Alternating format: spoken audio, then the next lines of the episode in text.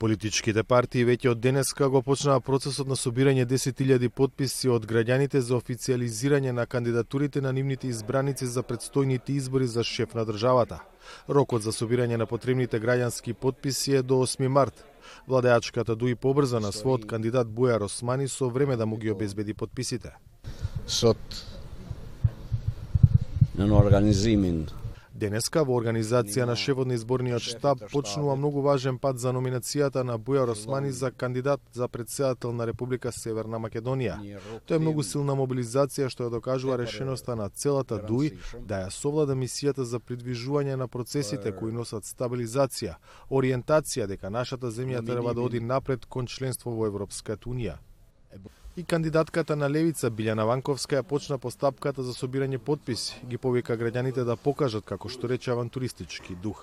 Подготвени сме да се справуваме со мал милион проблеми и за таа цел и, и како пркос всушност во таквата ситуација, ние очекуваме граѓаните на вистина да покажат авантуристички политички дух, да обезбедат повеќе кандидати на онаа вистинската дебата, да ни дадат еднаква можност да се презентираме себе си со нашите програми, со нашите знаења, со нашите визии за Македонија, затоа што играме во една трка која нема да биде чиста и која не е чиста од првиот ден.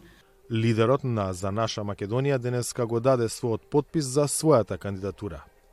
Нашата цел е да воведеме нов концепт, нови стандарди, бидејќи Македонија тоа го заслужува. Македонија мора да излезе од црно-сивиот свет во кој што функционира и единствено тоа може да го сторат граѓаните доколку се одважат. Не е само собирањето подписи во фокусот на партиите, ни за реакции предизвика најавата на Али Ахмети за барање за промена на уставот како услов за коалицирање со неговата ДУИ, која би значила шефот на државата наместо на непосредни избори да се гласа во собранието.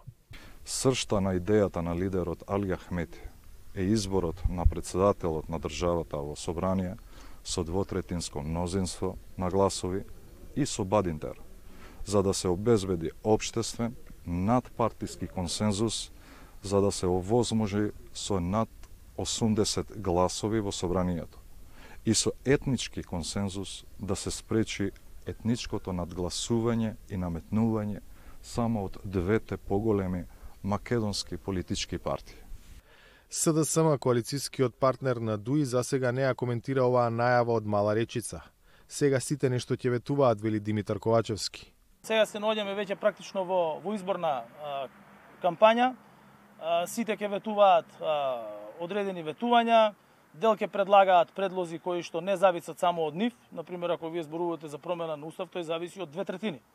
А, така да не би ги коментирал, бидејќи во наредните а, 80 дена или нешто помалку од 80 дена, ќе слушнеме многу предлози кои што на крајот на денот на 8 мај граѓаните ќе кажат кои се тие предлози кои што кои што тие ги сакаат.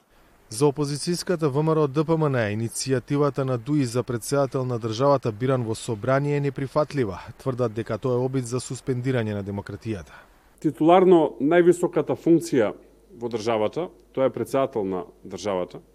Кај не знаете дека извршната моќ е во владата и кај премиерот, но титуларно нели председателот е функција број 1 во државата, мора да се бира на избори.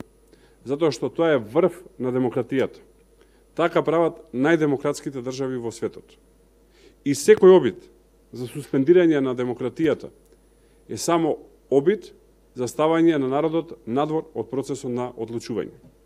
До сега неколку мина најавија кандидатури за врната позиција во земјава. Актуелниот председател Пендаровски ќе биде предлог на СДСМ, Силјановска Давкова и изборот на ВМРО ДПМН. Зад Бујар Османи застана Дуи. Арбен Тараварија доби поддршката од опозицијскиот блок на албанците.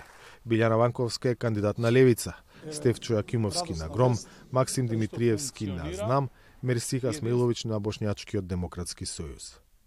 Загласот на Америка од Скопје Владимир Мирчевски.